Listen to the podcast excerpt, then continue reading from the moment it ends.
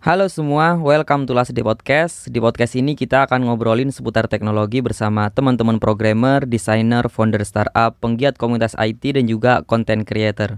Bersama saya Irsad, Android developer di Last Day yang akan menjadi host di podcast ini. Enjoy.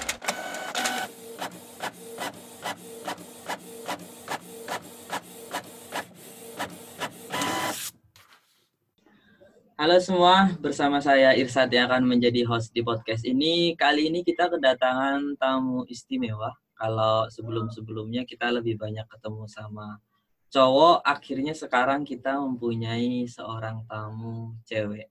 Saya ucapkan selamat datang kepada Mbak. Sekarang nama IG-nya ganti ya? Iya. ganti Sonia. Um, Oke, okay. perkenalan dulu ya. Oke, okay. Iya, iya. halo semua, perkenalkan nama saya Sitna Fatimah Zahro. Kan Aha. orang nyebut Sitna itu terkadang kesulitan ya karena tahu ejaannya yang T, Iya, S, I, T. N, A gitu kan. Iya, iya, iya. Karena dulu pernah iklan ya, pernah tayang di iklan Iya, iya. di Tanjung Kodok itu kan. Iya, Nah, iya, iya. kan panggilannya kan jadi Sonia. Akhirnya orang lebih lebih gampang itu manggilnya Sonia.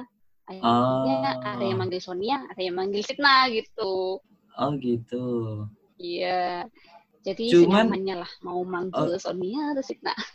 Sampai sekarang keseharian berarti masih ada 50-50 yang manggil nama itu. Iya, masih. Bahkan muridku mungkin ada yang manggil Bu Sonia, ada yang manggil juga Bu Sitna gitu. Oh iya iya iya. Jadi Oke Sitna oke. MZ kurung Sonia gitu. Oke. Punya dua nama. Oke. Sekarang boleh di tadi udah dikenali nama, mungkin bisa dijelasin sekarang kerjaan utamanya apa sama eh, di luar kerjaan biasanya ngapain aja? Eh, kalau ngajar itu gimana kayak nggak enak aja kalau disebut sebagai pekerjaan ya. Karena Ah, kan ah, ah. kadang aku saja sendiri kalau bilang ke ibu, bu besok aku sekolah gitu, bu bangunin pagi aku besok sekolah. Jadi bukan besok aku Hmm. kerja enggak, enggak. Oh iya Jadi iya. ya iya. entah. Nah, Iya sih. jadi kalau dapat honor ya anggap aja bonus. Karena kalau Mm-mm. kalau dianggap kerja, jadinya kalau nggak dapat honor kan atau honornya sedikit kan kadang di hati kan kayak nggak terima gitu. Iya iya iya benar-benar. Nah, jadi pagi itu ngajar, Mm-mm. terus pulang kan jam 2 atau jam berapa, terus lanjut nanti jam 5 kuliah sampai jam 9 malam. Wow. Oke, nice. Itu kuliah sama kerjanya sama-sama tiap hari apa gimana sih? Kalau ngajar, kebetulan jam ngajar yang di SMK, ah, saya Ah. ngajar SMK ya, Heeh. itu karena basicnya itu di sana pesantren, jadi ngajar itu hari Sabtu, Minggu, dan Senin. Kebagian jam yang hari Oh. itu. Jadi Minggu itu nggak Iya. libur. Sabtu Minggu kalau sekolah lain yang hanya eh, apa full, yang full day itu kan hanya Senin sampai Jumat kan sekolahnya. Kalau di Ah. basic pesantren kan Jumatnya libur. Oh, Jadi I Sabtu Minggu tetap masuk. Oh gitu. Oke, nice. Kalau kuliahnya baru Senin sampai Jumat. Mm-mm. Sebelum kuliah dulu udah ngajar dulu. Iya. Jadi kan dulu aku lulus tahun 2015. Mm-mm. Terus eh, bulan Mei waktu itu lulusannya kan Mei gitu kan lulusan. Mm-mm. Terus bulan Agustus ditawari ngajar di salah satu SMK deket sini. Nah, itu ngajar sampai tahun 2019 terus pindah. Mm. Jadi sekarang bukan yang di SMK yang dulu. Sekarang Oh, udah gitu. SMK baru lagi. Iya. Oh iya iya iya. Oh iya ini belum kenalan lokasinya di di mana sih ini kan? Ini Iya. Kalau kalau saya kan Surabaya nih. Nah, lokasinya di Ah. Malang, Oh, Kabupaten. iya, iya. Malang kabupaten. Jadi oh, kan Malang itu ada Malang Iya. kota kabupaten gitu ya? ya kan Malang Raya itu ada tiga. Kabupaten Malang, Iya. Kota Malang, sama Kota Batu Oh, iya iya iya. Ini berarti di di Kabupaten Malang. Oke, I see. nah, ini kita sebelum apa ngobrolin tentang ngajar di SMK-nya, memang dulu basic sekolahnya apa? Basicnya dulu TI ya, jurusan RPL, rekayasa perangkat lunak memang di sana diajari bikin aplikasi mulai dari sistemnya terus sampai Hmm. aplikasi itu jadi hmm. gitu. Itu di sekolah itu juga apa beda? Bukan di sekolah negeri. Jadi dulu Oh. waktu masih sekolah di Ah, SMK Negeri satu Kepanjen. Pernah tahu Oke. Kepanjen? Kanjuruhan. Pernah sih harusnya kayaknya. Iya. Dekatnya stadion Kanjuruhan. Iya iya iya iya iya. iya. Terus? Di situ. Ah, setelah itu tiba-tiba langsung ngajar atau? Lulus terus jadi freelance programmer kan waktu itu di Jewel Studio di Dau. Freelance berapa Hmm. bulan ya dari Mei sampai Agustus terus Agustus kan ngajar jadi agak agak kesulitan kan bagi waktunya terus akhirnya freelance-nya jarang gitu. Lebih ke Oh. ngajar. Berarti dulu ketemu ngajar ini dari siapa? Dari dari siapa ke siapa terus kok bisa masuk ke ngajar? Dulu itu karena kan sekolah ada satu sekolah yang siswanya tuh kurang dari 20. Hmm. Jadi kan ujiannya dia nggak bisa sendiri. Oh, gabung ya. Ah, gabung Ah. Gabung ke sekolah yang sekolah sekolahku dulu, sekolah SMK aku dulu. Oh, iya iya benar Nah, benar. kepala sekolahnya, kepala sekolah dari sekolah yang gede ini tanya Hmm. ke kaprodi di sekolah tempatku itu tanya, ada nggak Ah. guru yang mau ngajar di sini? Gitu, ditawari. Akhirnya nawari saya. Gitu. Oh. Jadi, mm, terus akhirnya ke rumah, orangnya ke rumah, terus Mm. nawari buat ngajar di sekolah yang itu, yang kecil itu.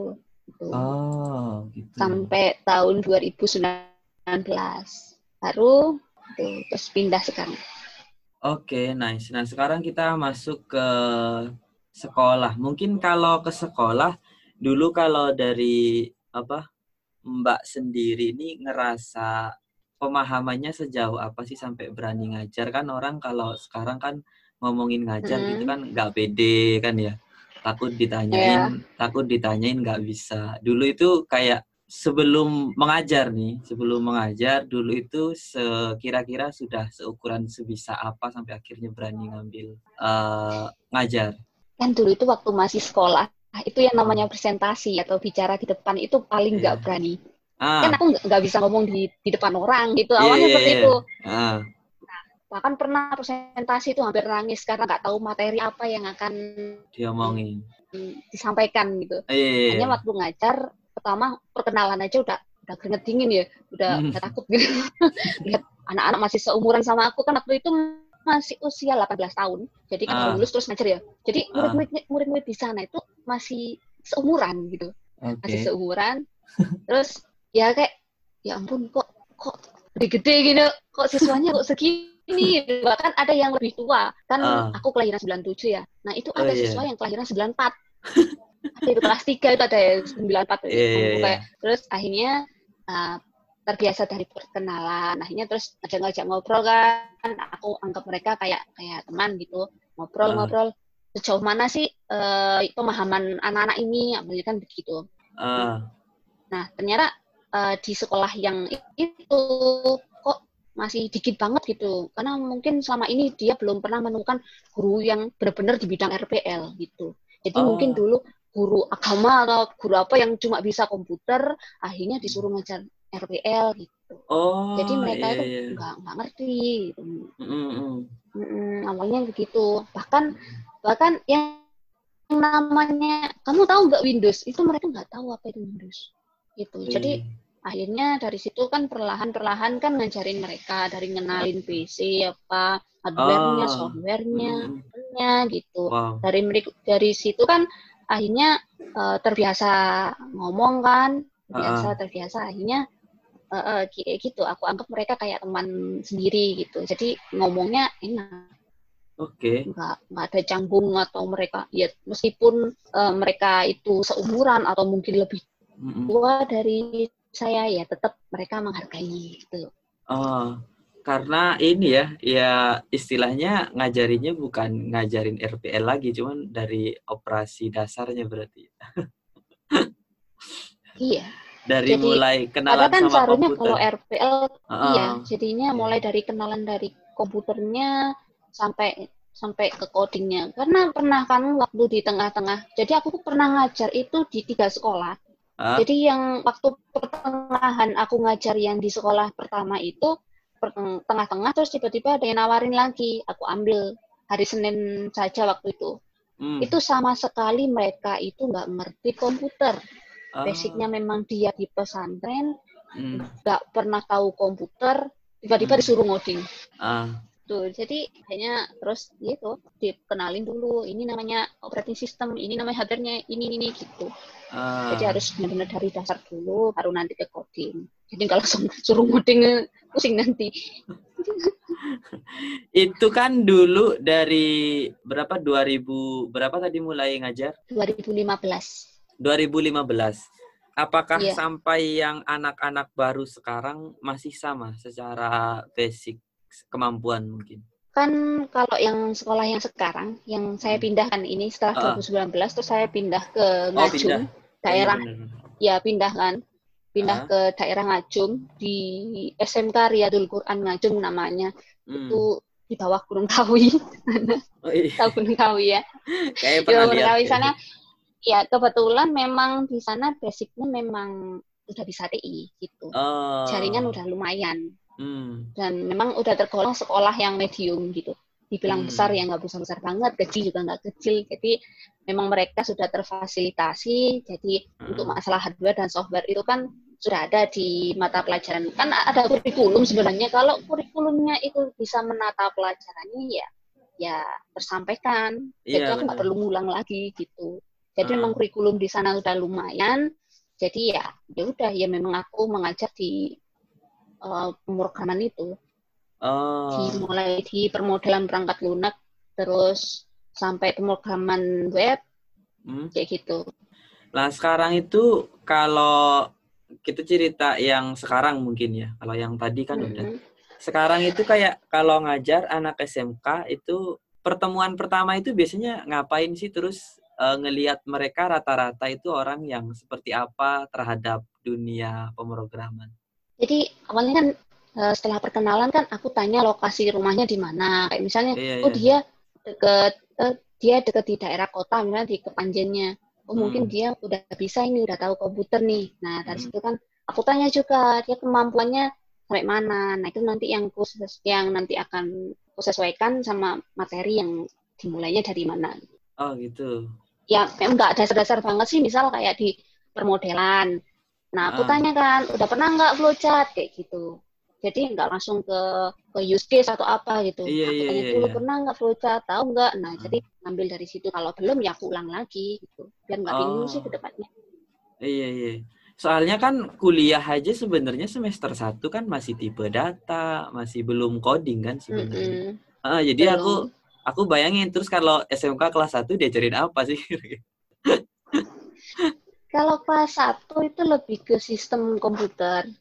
Ah, oh, materinya kalau yang yang RPL ya sistem Ah. komputer ngitung binary hmm, terus hitung-hitung ya lebih ke situ. Flowchartnya dasar-dasar codingnya jadi nggak langsung coding gitu. baru kelas 2 nanti perkenalan coding terus bikin-bikin database hmm, manajemen basis datanya gimana gitu nanti hmm. kelas 3 baru di drill pakai coding terus sampai dia udah bisa nyiptakan aplikasi gitu Hmm.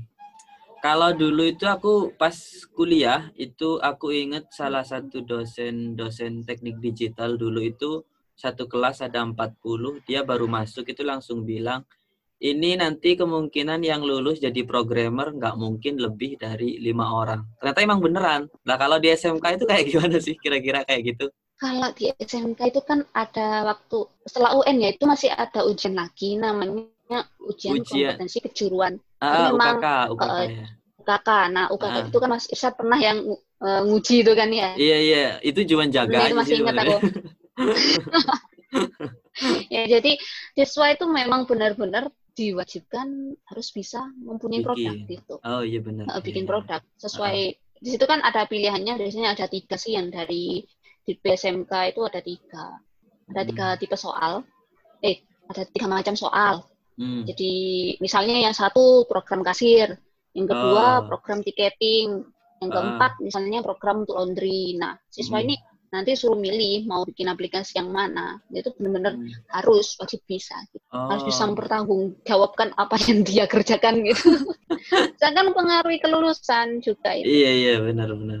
Terus biasanya salah satu Kan penguji biasanya nyuruh guru yang galak gitu sih. Waktu itu sih aku gitu sih. Kayak memang sengaja ditaruh salah seorang guru yang galak biar ada yang marahin mereka. iya Karena kan gini, namanya SMK sekolah menengah kejuruan. Pastinya Ah. ketika dia lulus dia harus punya satu uh, kompetensi gitu ya, Iya, iya, sesuai iya. dengan yang ditempuh itu. Heeh. Jadinya kalau lulus SMK terus nggak punya nggak punya keahlian apa-apa kan namanya ya bukan sekolah SMK kan gitu. Iya, iya, iya, iya.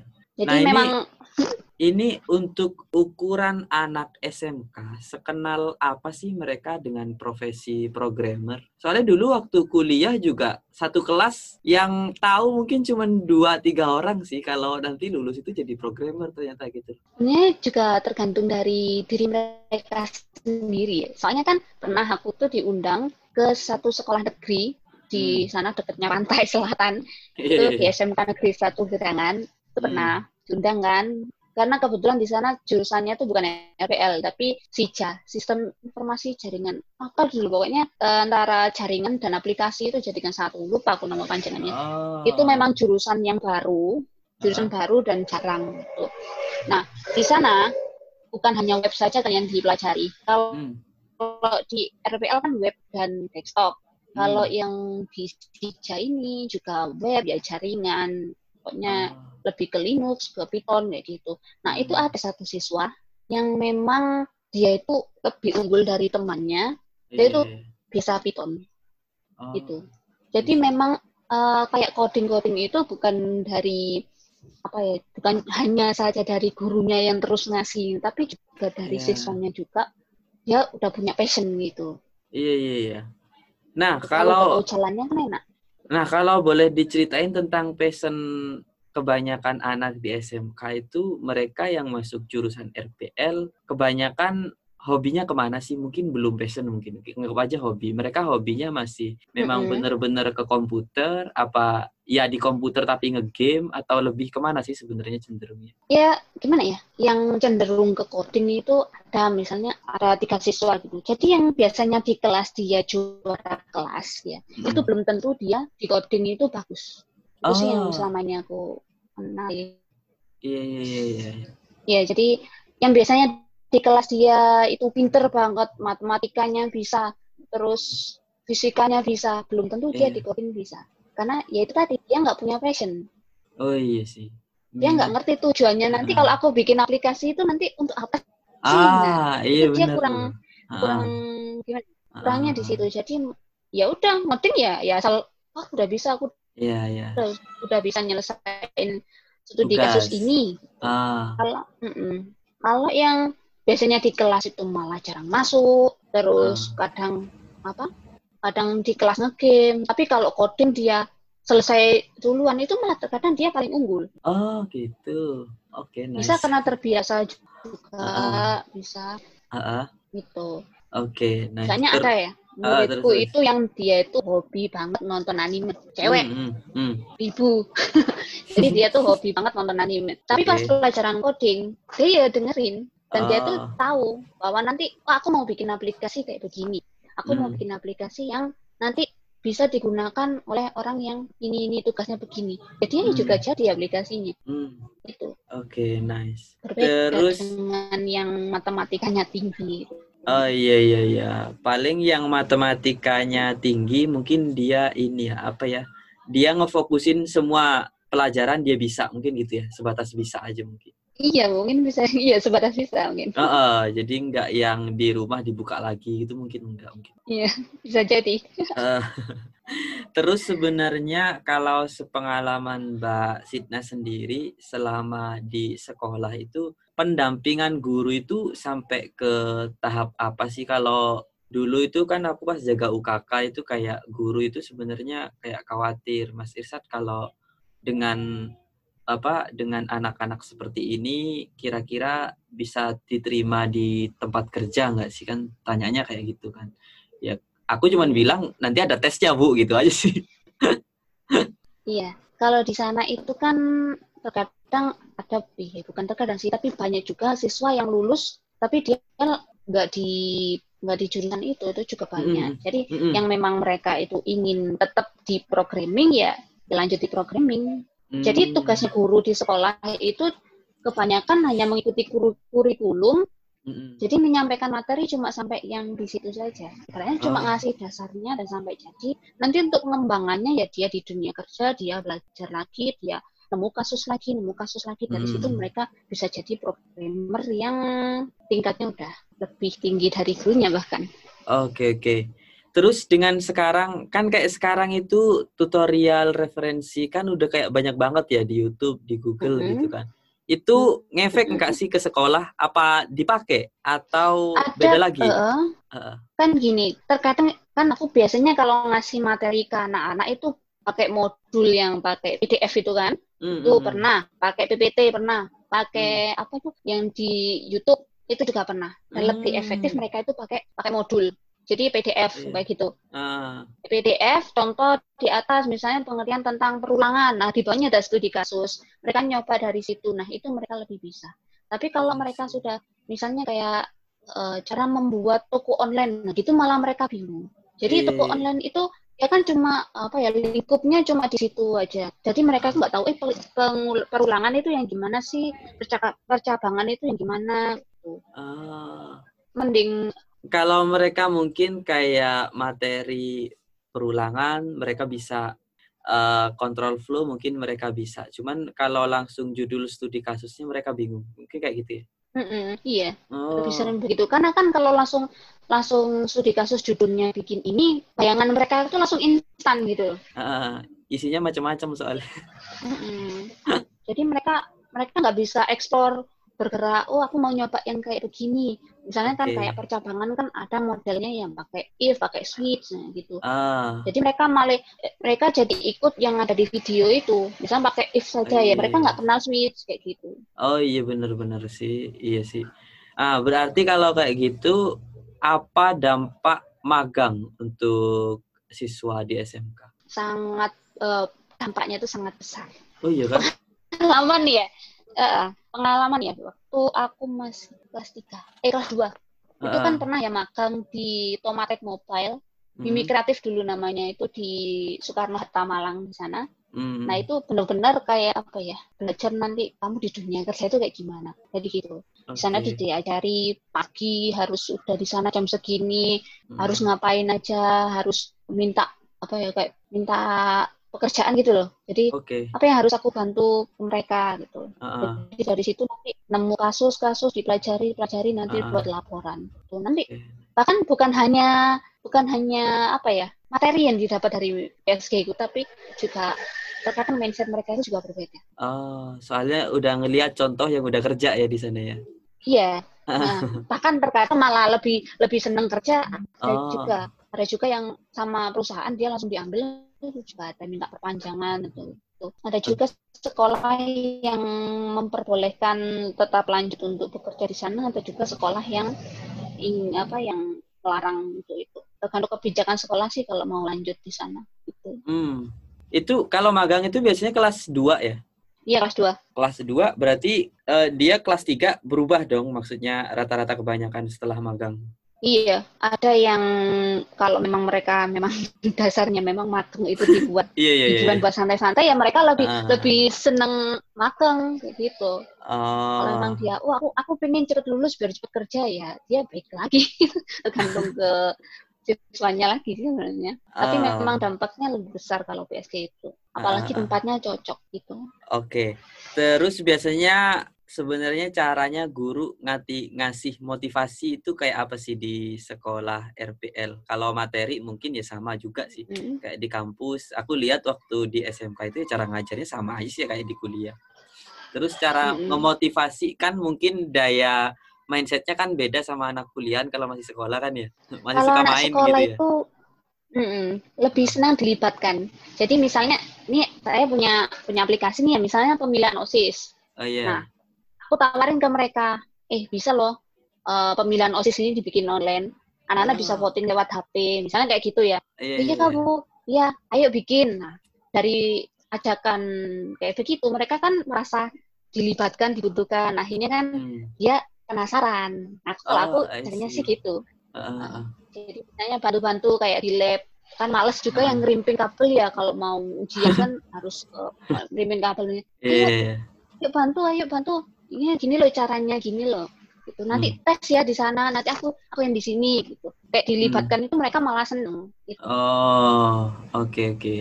terus kan tadi udah udah lama nih sampai sampai sekarang kan kira-kira kalau dari hmm. metode metode kurikulum metode materi apa sih perubahan uh, dari segi pengajar yang diajarkan ke siswa dari dulu sampai sekarang atau sama Uh, kalau kalau yang sekarang disamakan dengan yang dulu ya, uh, apalagi anak-anak sekarang kan udah jelas berbeda banget ya. Nah kalau itu kan dulu, uh, cara uh, dapat informasinya mereka kan beda kan per per generasi uh, mungkin ya. Uh, Iya, kalau dulu tuh masih ada keinginan untuk membaca buku, mencari materi oh, di internet.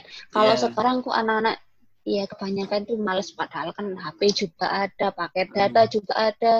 Tapi hmm. itu jadi nggak harus terpaku sama yang di apa itu kurikulum di silabus RPP tapi kalau kalau cara saya sih ya misalnya di silabus itu uh, memahami tentang sistem jaringan. Ya pakai apa? Pakai Debian. Ya nanti aku ajarin Debian dari dasarnya gimana hmm. terus cara mereka menyerap informasi sekarang lebih bagus semakin ya sepengalaman Mbak aja sih, maksudnya tidak global kan ya, sepengalaman Mbak. Cara mereka mencari informasi sendiri di internet, kalau dari dulu sampai sekarang perubahannya kayak gimana? Kalau dulu ada internet, dikerjakan, ditulis, kita hmm. rangkum kan gitu. Kalau zamanku soalnya kan itu juga pernah sekolah ya.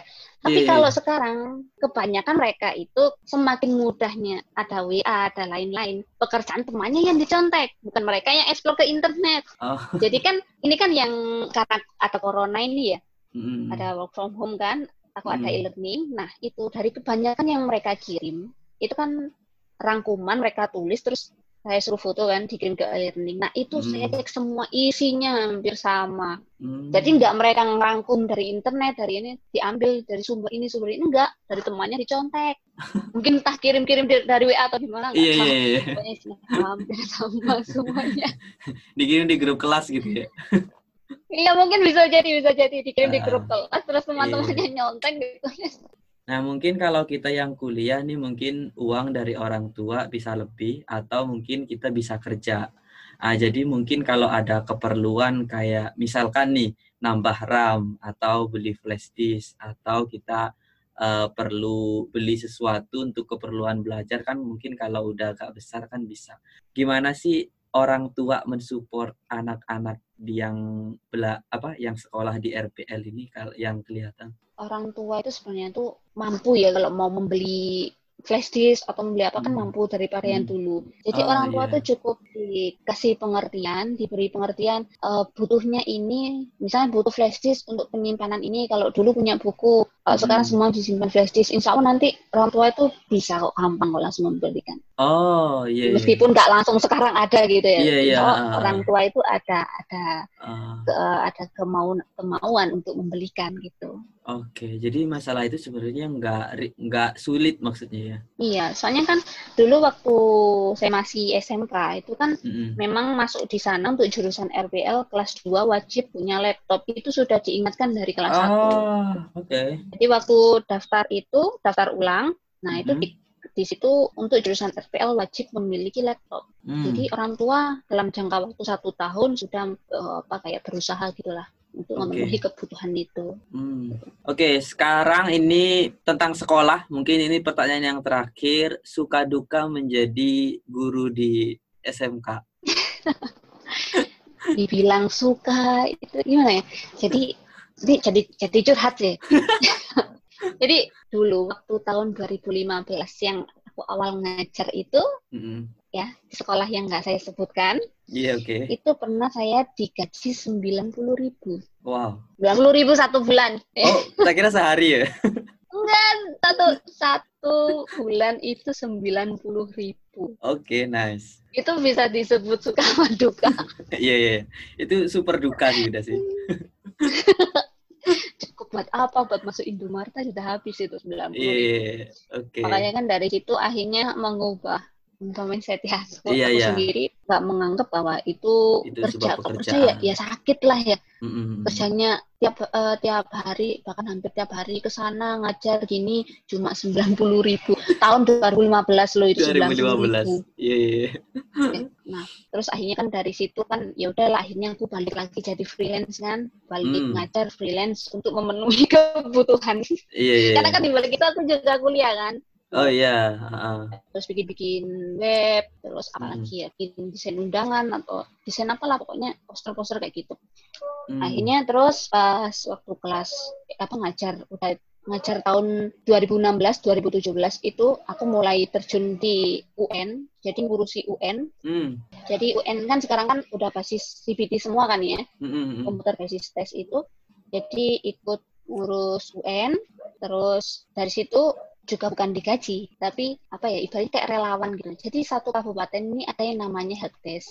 Mereka itu membantu jika ada sekolah yang error nah kayak begitu dari situ kok mulai Ah. asik mulai asik akhirnya kan dikenal orang Oh, dikenal iya. sekolah-sekolah banyak kan dari Ah. situ bantu-bantu sekolah akhirnya dikenal sama sekolah banyak akhirnya banyak tawaran jadi guru undangan Ah, oke.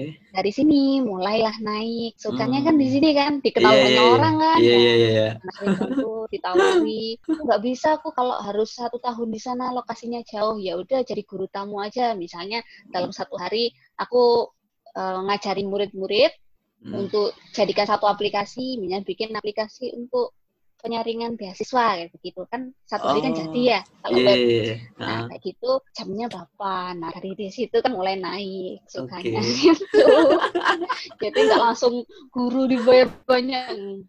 Oke, Masih oke. bagus. Apalagi kan kalau eh, guru kan ada sertifikasi kayak gitu. Tapi kan Heeh. karena usiaku juga belum, kuliah juga belum selesai, masih Hmm. banyak. Jadi ya masih honorer itu.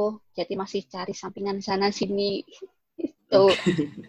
itu kan sukanya ya dukanya lagi ya itu Menghadap, sih menghadapi murid, menghadapi murid. Dukanya menghadapi murid itu banyak ya. Contohnya waktu sekarang kan musimnya corona ini, anak-anak disuruh ngerjakan tugas. Hmm. Dan juga laporan prakerin yang kelas 2 itu. Yang Hmm. kelas 2 ini yang paling sulit ini. Kelas, Hmm. kelas 3 kan udah selesai. Kelas 1 kan tinggal manut ya. Dikasih tugas, kerjakan.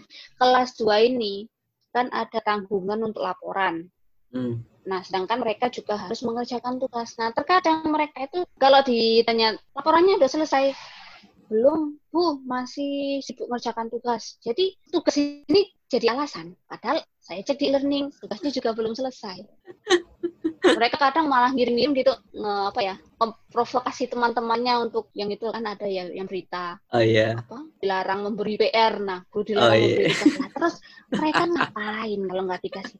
Kan gini ya, Iya, jadi yang di e-learning itu kan bukan hanya tugas, Iya, materi, materi. dibaca. Heeh. waktunya pun juga panjang. Oh iya. Tugas pun nggak langsung, oh besok harus dikumpulkan, hari ini harus dikumpulkan. Kan enggak. Di situ kan juga ada materi. Ya memang dasarnya mereka itu malas. Sudah menganggap bahwa uh, libur ini itu liburan. Iya, kan bener. Heeh. Ini ini sekolah di rumah gitu, Sekolah bukan liburan Bukan. itu terus aja ya sekarang itu terus karena Iya. kan usiaku kan masih 23 lah sekarang ya Hmm. jadi terkadang mereka itu kayak apa ya kalau bahasa Jawanya itu kurang unggah-ungguhe gitu. Hmm. jadi kayak di WA itu ping ping ping gitu. Jadi bukannya assalamualaikum bu. Enggak. Ping ping. Atau kadang tanya gitu bu udah masuk kah? Jawaban saya ini atas nama siapa? Kan fotonya beda namanya Hmm. juga beda. Itu yang sering apa sering terjadi waktu di kejadian yang seperti ini. Iya, iya.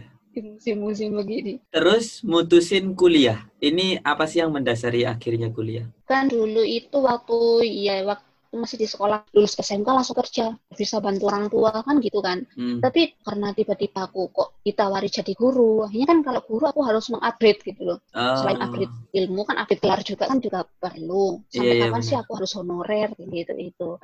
Heeh, ada orang kan bilang "Heeh, masa guru SMK lulusan SMK terkadang memang orang-orang tuh lebih menghargai yang S1 daripada yang SMK S3 Hmm. loh padahal SD SMP SMK tapi memang misalnya ya saya mau melamar ke SMK negeri. Nah itu jadi kurang dihargai karena lulusan SMK Ah, Jadi, iya, iya. digelar biar upgrade biar bisa ke sekolah yang lebih tinggi lagi gitu.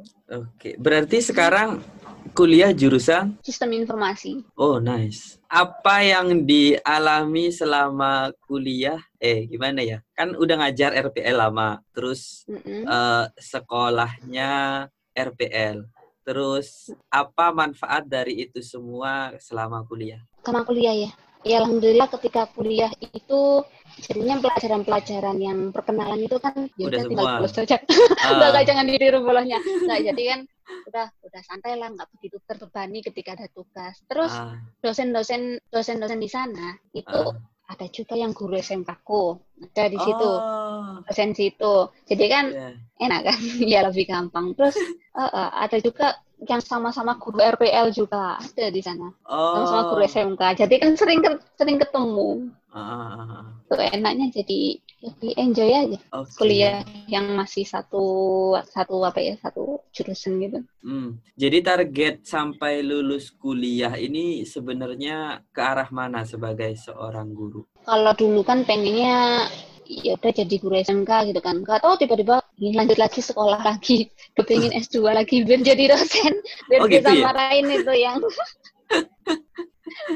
nggak tahu tiba-tiba pengen aja jadi jadi dosen Mm-mm. ini pernah kan eh, kayak lebih menantang gitu jadi dosen Oke, tadi kita sering- tadi udah tentang guru, terus kemudian Hmm, freelance juga. Masih freelance nggak sih sampai sekarang? Oh masih ya? Kan tadi di- masih eh, masih. Ah, terus kemudian sekarang kuliah. Terus apalagi kerjaan di luar sana yang dikerjain? desain desain dan juga desain undangan pokoknya ya Ah. desain desain desain itu Oh. juga ngoding web itu masih tetap kalau ngoding web Oh, karena masih memang ngoding. ya memang iya masih ngoding masih Mm-mm. ngoding web untuk kebutuhan sekolah-sekolah sih misalnya bikin CBT bikin e-learning PDP terus Oh, wow. apa pokoknya yang di masih di lingkup pendidikan gitu Mm. jadi ngelengkapin kebutuhan yang ada di pendidikan Mm, Oke, nice. Ada lagi yang dikerjain di luar sana? motret Ah, saya Oh, kan motret yang juga.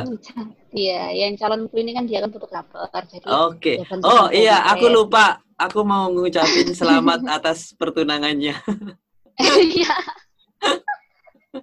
Sama-sama. Tadi harusnya selamat di awal sih, aku lupa soalnya. Hmm, Iya. Oke oke Jadi memang oke. dia, dia Ah, sama basicnya cuma di multimedia.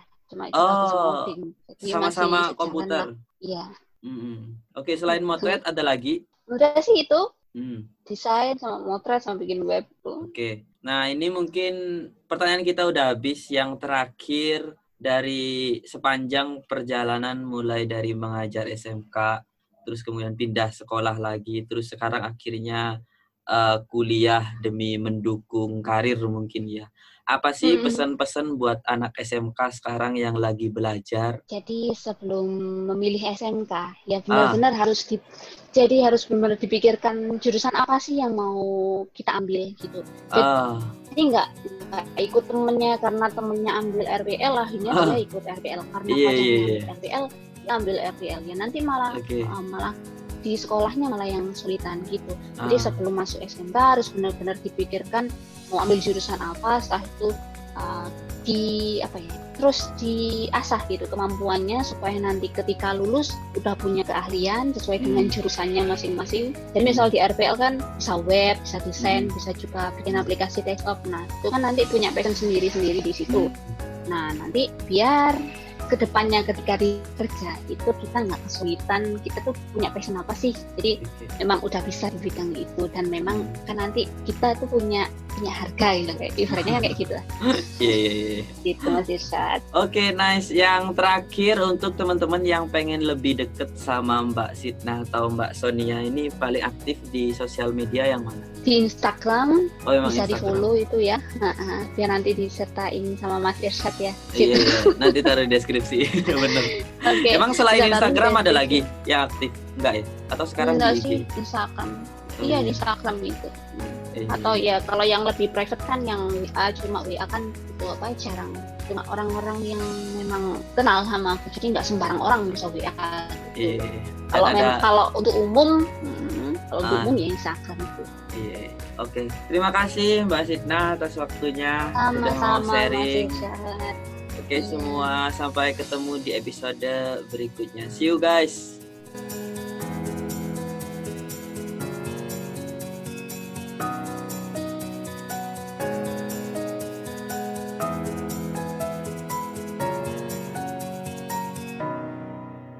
Terima kasih sudah mendengarkan podcast ini. Kalau kamu suka, jangan lupa share ke teman-teman kamu melalui sosial media. Kalau kamu punya kritik dan saran untuk channel podcast ini, kamu bisa DM kita di Instagramnya Lasd at L-A-Z-D-A-Y-I-D dan sampai ketemu di episode berikutnya. See you guys!